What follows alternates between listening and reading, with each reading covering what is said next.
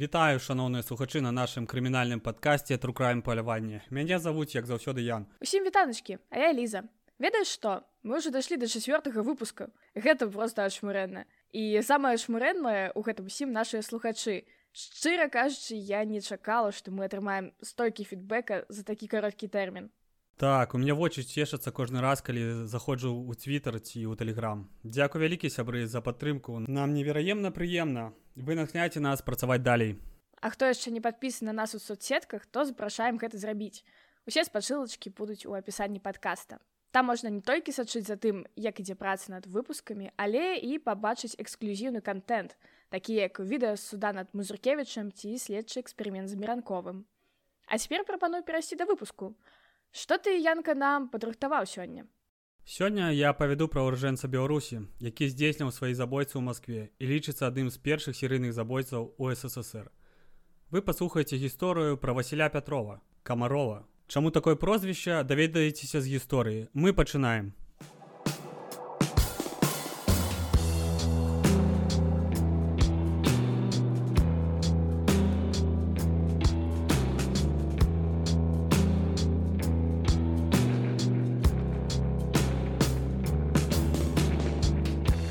Васіль Церенчевич Пятров нарадзіўся ў 1877 альбо па іншых звестках у 1878 годзе у шматдзетнай сям'і віцебскай вобласці. Бацька працаваў на чыгунцы. Пра маці звестак няма. Пра дзяцінства Васіля таксама вельмі мала інфармацыі. Дадзеныя збытаныя і вельмі умоўныя. Наконт колькасці дзяцей у сям'е інфармацыя розная. Па адных жарэлах іх было 11, па іншых 5 ці 6. Бацька заўжываў алкаголем. Таму дзеці з дзяцінства былі прывучаныя да спиртнога, а пазней перанялі вобраз жыцця бацькоў.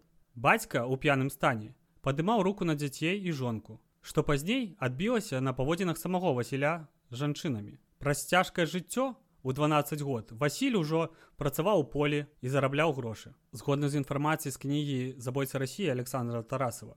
Васіль з 15 год пачаў пакутваць ад алкагольнай залежнасці, як і большасць членаў яго сям'і. Згодна з успамінамі самого Васіля, браты зусім не ведалі меры ў спажывання алкаголя. У дарослым узросце Васіль пачаў бадзяжніцаць. У псіхіятрыі такія паводзіны характарызуюцца нечаканымі і неабгрунтаванымі сыходу з дому на нявызначаны тэрмін. Вельмі часта у такіх людзей назіраюцца дэпрэсіі, дысфункцыі і трывожнасць. У 27 ці 28 гадоў ён ужо адслужыў чатыры гады ў войску і пабраўся шлюбам са сваёй першай жонкай. У 1905 годзе ён удзельнічаў у вайне на дальнім сходзе, дзе зарабіў крыху грошай якія пазней выдаткаваў на вандроўку па рассіі разам з жонкай. Зразумела, што пад уплымам алкаголю мужчына скандалю і уступаў канфлікты з жонкай, якая ўвесь час раўнавала мужа. Сасоў самого Пятрова ён ніколі жонцы не здраджваў.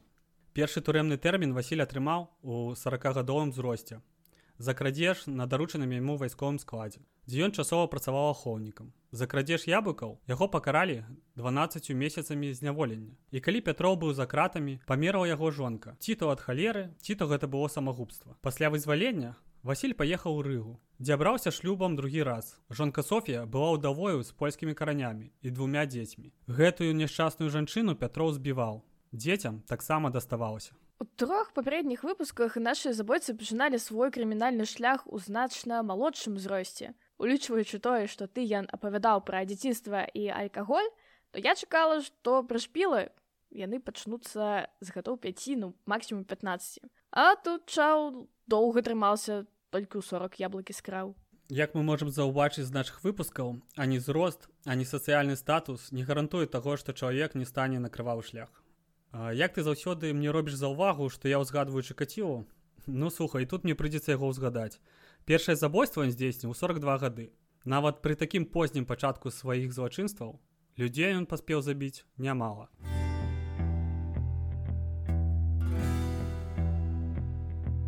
На судзе Васіль скажа наступнае. Нейкай злосці ў мяне не было, але плявых і часамі ёй даваў. Дзяцей біў, дзеля навукі. Пра жонку ён будзе казаць як пра дурніцу.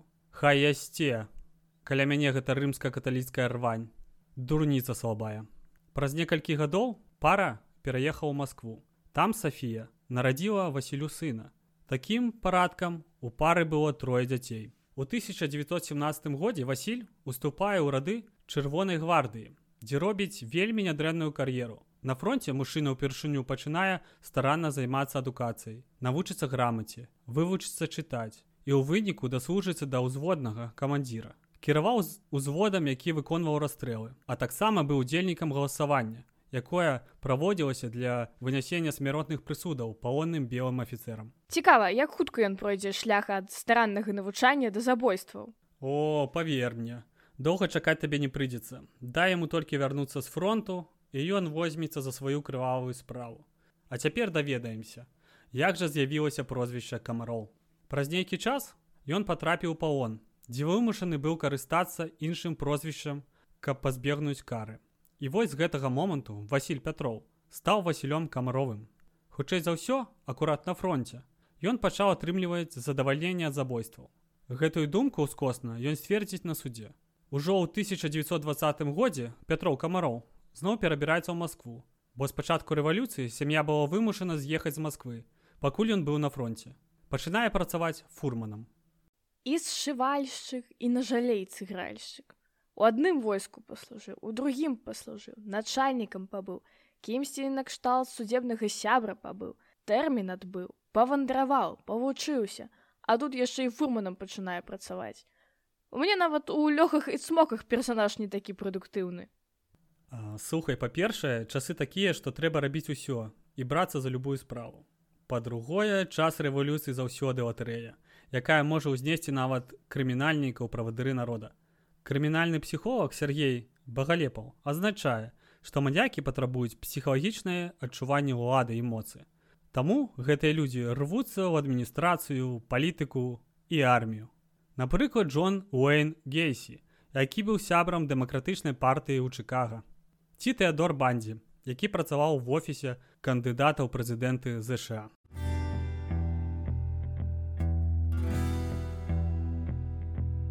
Займаўся крадзежом у Маскве, пазней рэчы збываў на рынку. А ўжо праз год пачаў прысвойваць маёмасць сваіх ахвяраў, але пра гэта трошку пазней. У Маскве камароў набыў кватэру ў доме нумар 26 на вуліцы Шабаўка. Грошы ў сям'і былі. Па тым часе жылі яны не бедна, набылі коня з каляскай. Васіль адкаваўся працаваць фурманам цэнтральнага ўправлення па эвакуацыі насельніцтва пры наркамаце ўнутраных спраў. Мужчына працоўны час краў і перапрадаваў скрадзенае. Прыкладна праз паўгады пачаліся праблемы з грашыма. Ні на ежу, ні на выпіўку грошай не стае. Мне ўвогуле цяжка ўяўляецца працавае ўправленне па эвакуацыі насельніцтва, а яшчэ цяжэй уявіць, што там можна скрасць.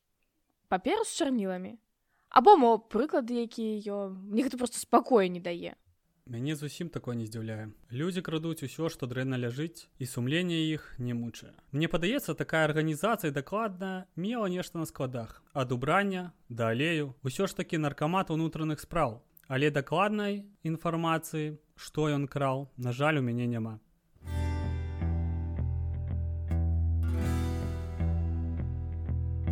У 1921 годзе Васіль стае на свой крывавы шлях і пачынае распрацоўваць схему забойстваў, якую ён штораз будзе ўдакладняць цягам года. Тэхніка ягоных злачынстваў была наступнай. Раніца ён ішоў на конную плошчу. Хадзіў паміж мінакоў, углядаўся, шукаў прыехаўшых на рынок правінцыялаў, дзеля пакупкі каня па добрым кошце. На допытах камаро будзе падрабязна распавядаць лекару, па якіх прыкметах ён знаходзіў правінцыяла, як з дапамогай розных правакацыйных пытанняў пераконваўся ў тым, што дадзены чалавек сапраўды не з Масквы. Потым камароў пераконваў ахвяру, што дапаможа знайсці каня па добрым кошце. У часе размоў даведваўся, ці будуць чалавека шукаць. Калі пераконваўся, што шукаць не будуць, прапанаваў пайсці да яго, каб абмеркаваць пакупку казёнага. Па ўсім відаць, хоць камароў і выглядае вельмі простым нават неяк бязгуздым Ён усё ж разумее псіхалогію людзей разумее якія словы лепш падабраць да таго ці іншага чалавека Ён вельмі добра адчувае сваіх ахвяр дадае да сваіх слоў жестыкуляцыю і напаўняе яе лайнкай гэта дадае простасць і сяброўскі характар размовы За кароткі час ён становіцца добрым знаёмым разам з ахвярай заходзіць у кабак каб трошки выпіць а пасля заманьваў у сваю кватэру каб абмеркаваць справу звычайна Прыходзілі яны а трэцяй гадзіне дня. Там ужо былі гатовы закускі. Пасля чаго адбывалася размова, якая магла працягвацца дзве ці нават чатыры гадзіны. І вядома, гаспадар з госцем увесь час выпівалі. Вось які дыох атрымаецца ў следчых і камарова. А калі ахвяра не п'е, то тады справа ідзе хутчэй. А што жонка ў гэты час рабіла каліны на кватэры былі? Яе не было? Ці таксама ў гэтым удзельнічала? Пра гэта ты даведаешся трошку пазней. Каб не страчваць храналогію падзей, усё будзе, пачакай крыху.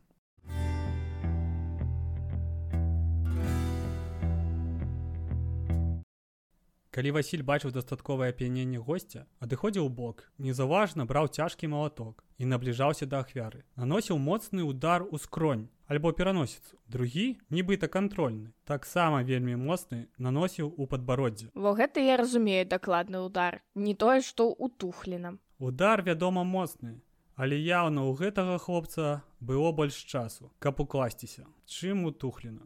Праз што вельмі цяжка было ідэнтыфікаваць ахвяру. Папросту чэры быў сплюснуты. Праз нечаканасць зразумела, што большасць ахвяраў не паспявала нават паспрабаваць абараніцца. Як пазней казаў камароў, быў адзін выпадак, калі госць аказаў супраціў, нягледзячы на ўдар. Але пасля барацьбы ўсё ж такі камароў адолеў. Калі было відавочна, што чалавек памёр, Камароў накідаў вяроўку на шыю і моцна заціскаў, спрабуючы спыніць. Такім чынам кроў. На пытанне, як ён пазбаўляў жыцця, ён казаў: раз і квас.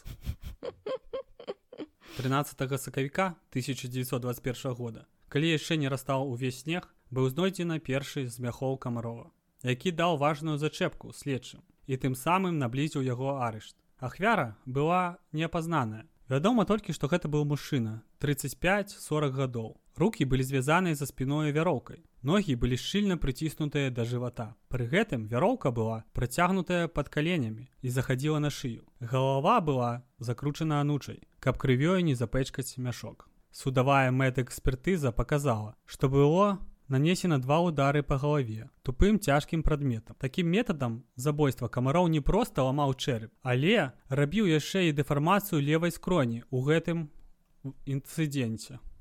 Яшчэ цікавы момант ахвяра загінула не ад удару а акурат ад механічнай асфіксіі. На шыі выразна было відаць трансірангулярную баразну. Было ўстаноўлена што ахвяра на момант гібелі была ў алкагольным ап'яненні. Цела пролежала ў мяшку каля двух тыдняў але праз надвор'е нядрэнна захавалася. Таксама было высветлена, што забойства было здзейснена ў памяшканні, а ў мяшку былі знойдзены рэшткі аўсу, што відавочна звужалі кола падазроных. А як звязаны рэшткі аўса з звужэннем кола падазроных? Мне падаецца, што тыя часы амаль усе павінны былі трымаць у сябе нейкі мех са збожжам. А гэта вельмі слушнае пытанне. Следства меркавала, што злачынец мог быць гандляром ці фурманам. Але такіх людзей у Маскве былі тысячы. У пачатку траўня знаходзіць другі мяшок. Толькі гэта ўжо быў закопаны ў зямлю. На адлегласць непрыкладна ў 500 метраў ад Масква ракі. Глыбока цела закопана не было. Таму выяўленне цела было пытанне часу. Яго знайшлі хлопчыкі, якія гулялі непадалёку ад ракі. Як будзе ўстаноўлена потым, гэта цела мужчыны, ля 50 гадоў з настолькі знявечаным тварам што ідэнтыфікаваць асобу немажліва згодна з медыцынскімі вынікамі чалавек быў забіты не больш чым за месяц таму. І з гэтага моманту мяхі з целамі будуць знаходзіць з перыядычнасцю раз ці два ў месяц. Але следства па крупіцах вымалёўвала схему злачынца схема была прыкладна наступная. Ноччу злачынец пазбаўляўся ад цела альбо хаваў у раёне москва ракі альбо закопваў на агародах на пустцы. Рэшткі людзей знаходзілі ў розным стане разложэння, але пачалі знаходзіць свежыя целы. І тут адбываецца важны паварот у справе. Свежыя целы выяўлялі ў чацвер, а значыць, забойства адбывалася ў сераду. А ў сераду праходзіць вялікі кірмаш на конным рынку. Варта азначыць, што і мяхі пачалі трапляцца спецыялізаваныя. Надрэсы ў іх робіцца збоку. Іх можна расшырыць. І яны больш моцныя за звычайныя. Таксама дадам, што большасць ахвяраў не была апазнана не толькі праз дэфармацыю чэрыпа, але і праз адсутнасць асабістых рэчаў ахвяр. Вышук у 1920 годзе праводзіўся ў надзвычайнай сакрэтнасці. Хоць часам даводзілася даставаць целы ў прысутнасці натоўпу мінакоў. Таму плёткі пра монстра, які калечыць людзей, разляцеліся вельмі хутка, а пра ахоўныя органы не каментавалі гэта, што ў сваю чаргу толькі пашырыла неверагоднасць плётак. А камароў тым часам станавіўся больш жорсткім і толькі пачынае пабольшваць колькасць ахвяр. Часам ідзе ў ход не толькі малаток, але і сякера. Раны ад сякеры не забівалі адразу, а толькі ўзмацнялі агонію і пакуты ахвяры. А часам забойца душыў ахвяраў рукамі ці пераразаў ім горла ножом. Ёсць звесткі пра тое, што ён знякроўліваў ахвяры. Каб потым было лягчэй іх транспартыраваць. Са слоў камарова жонка не ведала пра ягоную дзейнасць аж да зімы 1922 года. А калі ёй стала вядома, яна пачала плакаць. Мужчына вельмі хутка прыструніў гэтыя парыў з біццём і сказаў нешта накшталт: « Ну што зробіш, давай звыкацца да гэтай справы. Вядома, што жанчыне нічога больш не засталося, як падпарадкавацца мужу і дапамагаць у яго злачынствах. Пасля далучэння жонкі схема троху змянілася. Калі муж прыходзіў з новым госцем, жонка выходзіла з дзецьмі і зачыняла хату на ключ. А ўвечары дапамагала прыбіраць у хаце і пазбаўляцца цела. Тут быў разлік на тое, што пара уначы выклікае менш падазрэнняў, чым адзін мужчына на павозцы. Дарэчы, удзела ў крымінале жанчын, асабліва такім спосабам, гэта вельмі цікавая тэма. Вось слухаеш такі пра нейкага забойцу, а потым выяўляецца, што яшчэ ягоная маці ці жонка, як у нашым выпадку, яму дапамагае. Мне амаль заўсёды пустае пытанне, а як так? Няўжо яна не разумее, што ён робіць? Як можна заставацца і далей з забойцам, ды яшчэ і дапамагаць яму? І вось якраз перад тваім выпускам мне наводчы патрапіў цікавы артыкул, дзе псіхалагіня смаленская тлумачыць чаму так адбываецца выходзіць так што жанчына насамрэч не разумее што адбываецца нешта кепскае а калі разумее то страх застацца адной перамагае над страхам застацца з забойцам як я правильно памятаю другая жонка была ўдавой ды яшчэ з двумя дзецьмі хутчэй за ўсё там маглі быць думкі накшталт куды я ўжо падзенуся ды яшчэ і з дзецьмі а тут хаця б мужчына ёсць вуднікі моцны У выпадку, калі жанчына слабая і непаўнавартасная і жадае абароненасці, то гвалт у бок самой жанчыны, дзяцей і ахвяр можа разглядацца як праяўленне мужнасці. Ад чаго вартасць мужчыны ў ейных вачах можа вырасці. Зразумела, не варта забывацца і пра тое, што ўдзел можа быць абумоўлены і шантажом і прымушэннем і пагрозамі агульнай адказнасці за злачынствы. Але ж камароў казаў, што давай прызвычайвайся да гэтай справы. Так што тут мне падаецца ўсё ж такі першы выпадак. Да тваіх слоў варта дадаць, што хутчэй за ўсё камароў быў тыранам і трымаў усю сям'ю амаль у закладніках. Яшчэ сям'я была яўна зачыненага тыпу. Такія сем'і характарызуюцца мінімальнай камунікацыяй з асяроддзям навокал. А таксама адна з рысаў у такім тыпе гэта размыццё нормаў паводзінаў і маралі сярод членаў сям'і. Але ж пры гэтым усім жанчына з дому выходзіла і магла расказаць міліцыі пра дзейнасць мужа. Для мяне гэта ўсё яе мала апраўдвае. Ну, звычайна паняцце закрытая сям'я датычыцца больш сувязі бацькі-дзеці. Акурат першапачатковае выхаванне умоўнага злачынца і спробы бацькоў звычайна маці, аберагчы сваё дзіця ад навакольнага свету і наводзіць дзіцяці на думкі пра сваю асаблівасць, пра тое, што усе яму ўсё абавязаныя, і што б ён не рабіў, бацькі ўсё адно не пайдуць здаваць яго ў міліцыю. Калі сувязь муж жонка, то там якраз звычайна тое, што я пісала раней, ўсё ж такі краху іншыя крыніцы прыхільнасці ў гэтых выпадках. Магчыма я не дакладна выразаўся я хутчэй за ўсё казаў пра зачыненую сям'ю як сістэму. Ва пазвестках сям'я не камунікавала з суседзямі а самого Васіля лічылі злым і крымінальным элементам. І заўсёды яго абыходзілі бокам бо здараліся канфлікты. У любым выпадку мы можам толькі здагадвацца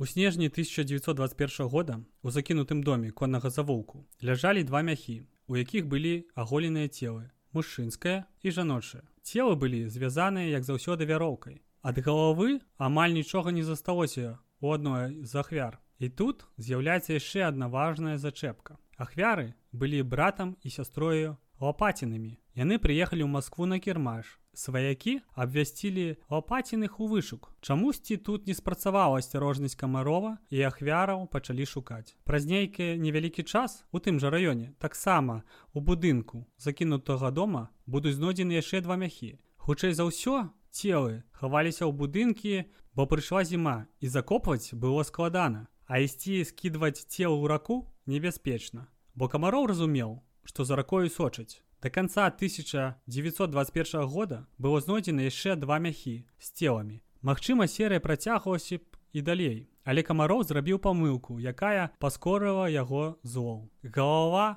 адной з ахвяраў была абматаная дзіцячай пялёнкай да таго ж яшчэ і скарыстанай а гэта азначала альбо у злачынца ёсць малыя дзеці альбо побач суседзі з малымі дзецьмі а таксама месца знаходжання хаты злачынцы павінна быць недалёка ад кірмашу. І ў той жа момант мець мажлівасць звесці цела каб іх схаваць і застацца незаўважаным. Але да затрымання забойцы было яшчэ не блізка. Гэта быў абусмоўлена тым што пасля кастрычніцкай рэвалюцыі 1917 года усе дзяржаўныя структуры расійскай імперыі былі знішчаны у тым ліку і паліцыя. Парадак на вуліцах даволі працяглы час наводзілі ўзброеныя людзі накшталту дружыннікаў. Але ў 1920 годзе пачала фарміравацца міліцыя. І за камаровым было абвешчана сапраўднае паляванне. Нават ленін трымаў гэтую справу на кантролі. За 1922 год камароў нібыта спрабаваў залегчы на дно. Цягам года было знойдзена ўсяго 6 мяхоў з целамі. Але магчыма, гэта было звязана і з тым, што на злачынца шлі аблавы. Дагляды павозак, кантроль на мастах за людзьмі. Ужо ў 1923 годзе нібыта адпачыўся. Серыя зноў набірае моц. Амаль за 5 месяцаў было знойдзена 5 цел. І гэта падштурхоўвае праваахоўнікаў узмацніць кантроль за падазронымі людзьмі. Пад увагу міліцыі так і трапляе 52гадовы камароў Васіль, які краў з дзяржаўнага складу і перапрадаваў. Ды яшчэ і без нумарнога знаку і з возам займаўся. Таму было пастаноўлена пачаць сачыць за камаровым.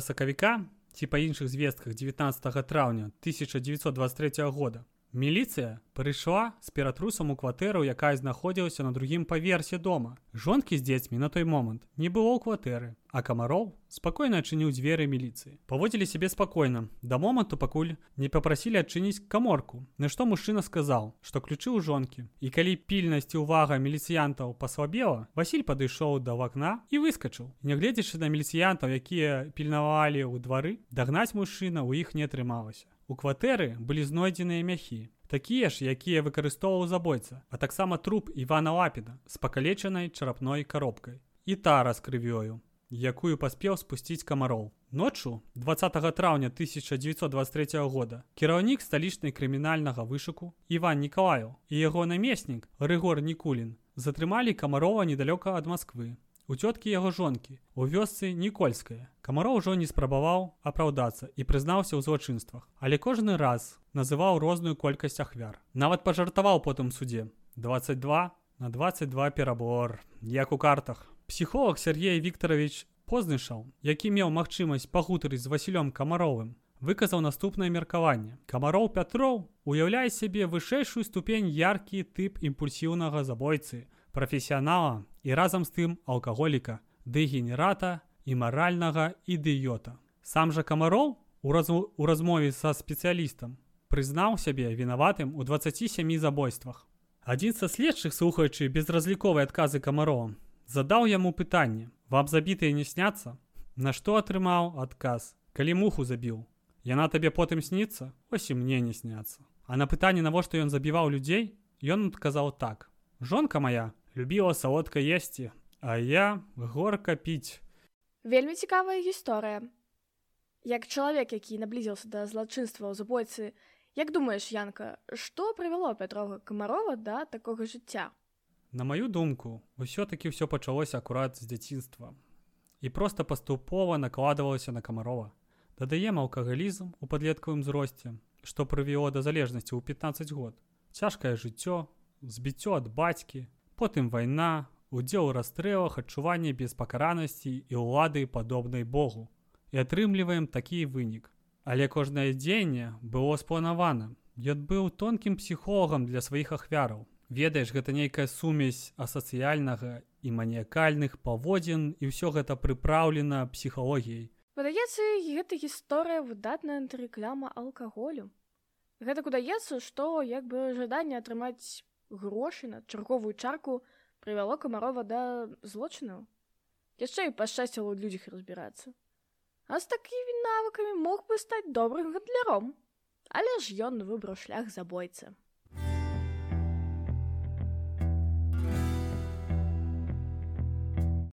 На допытах камароў казаў, што адчуваў задавальненне ад забойстваў, ды і фінансавы доход быў добры. Але адзначаў, што праз плёткі і шум вакол мяхоў з трупамі шукаць новых ахвяр станавілася цяжэй. Суд над Васілём камаровым і ягонай жонкай Софіяй пачаўся 6 чэрвеня 1923 года. Цягнуўся ён усяго тры дні. У гады пасля рэвалюцыі машына правасуддзя не магла чакаць. Судзіць трэба было хутка. Сем'і загінулых былі ў лютасці. Шукалі магчымасць расправіцца з забойцам. Таму следчыя дзені заўсёды праводзіліся асцярожна, каб яго не забіў натол. Працэс, нягледзячы на сваю хуткасць, быў вельмі гучны. Настолькі, што пра яго напісала нават нью-йорк таймс ды і не толькі калі камарову далі слова у суде ён сказаў я ўжо прызнаўся чаго вы яшчэ цягнеце на суде камароў нават заплакаў гэта адбылося калі ён расказаў пра сваё юнацтва працу ў палях шчыра весяліўся успамінаючы свае найлепшыя годы п'янства. На суде сябе ён паводзіў вельмі дзіўна. Прысутных пужала яго манера яго стрымленыя выказванні. Калі яго спыталі ці маю нешта сказаць у сваё апраўданне то ён буркнуў на фронте забіваюць сумленных людзей а я забіваў спекулянтаў. За такія злачынствы зразумела было вынесена смяротнае пакаранне расстрэл камарова і яго жонкі. Агулам было прызнана 33 забойствы 18 чэрвеня па іншых звестках ліпеня 1923 году прысуд правялі ў выкананне што датычыцца дзяцей камаровых іх адправілі ў дзіцячы дом. Вось так скончылася гісторыя першага серыйнага забойцы у ссср. Ведаеш калі ты ўпершыню узгадаў год то я калі шчыра падумала што мой выпуск нуднаваты атрымаецца. Бо падзеі адбываліся даўно і ў сучаснасці не будзе шмат звестак але атрымалася насамрэч цікава і я хочу падзякаваць табе за працу вельмі цікавая думка Дзякуй табе за яе.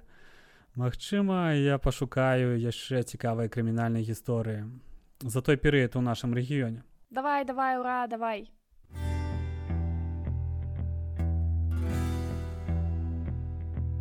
Дзякуй, што правялі гэты час разам з намі шаноўныя сухачы. Сачыце за нашымі новымі выпускамі, каб даведацца пра новыя крымінальныя гісторыі.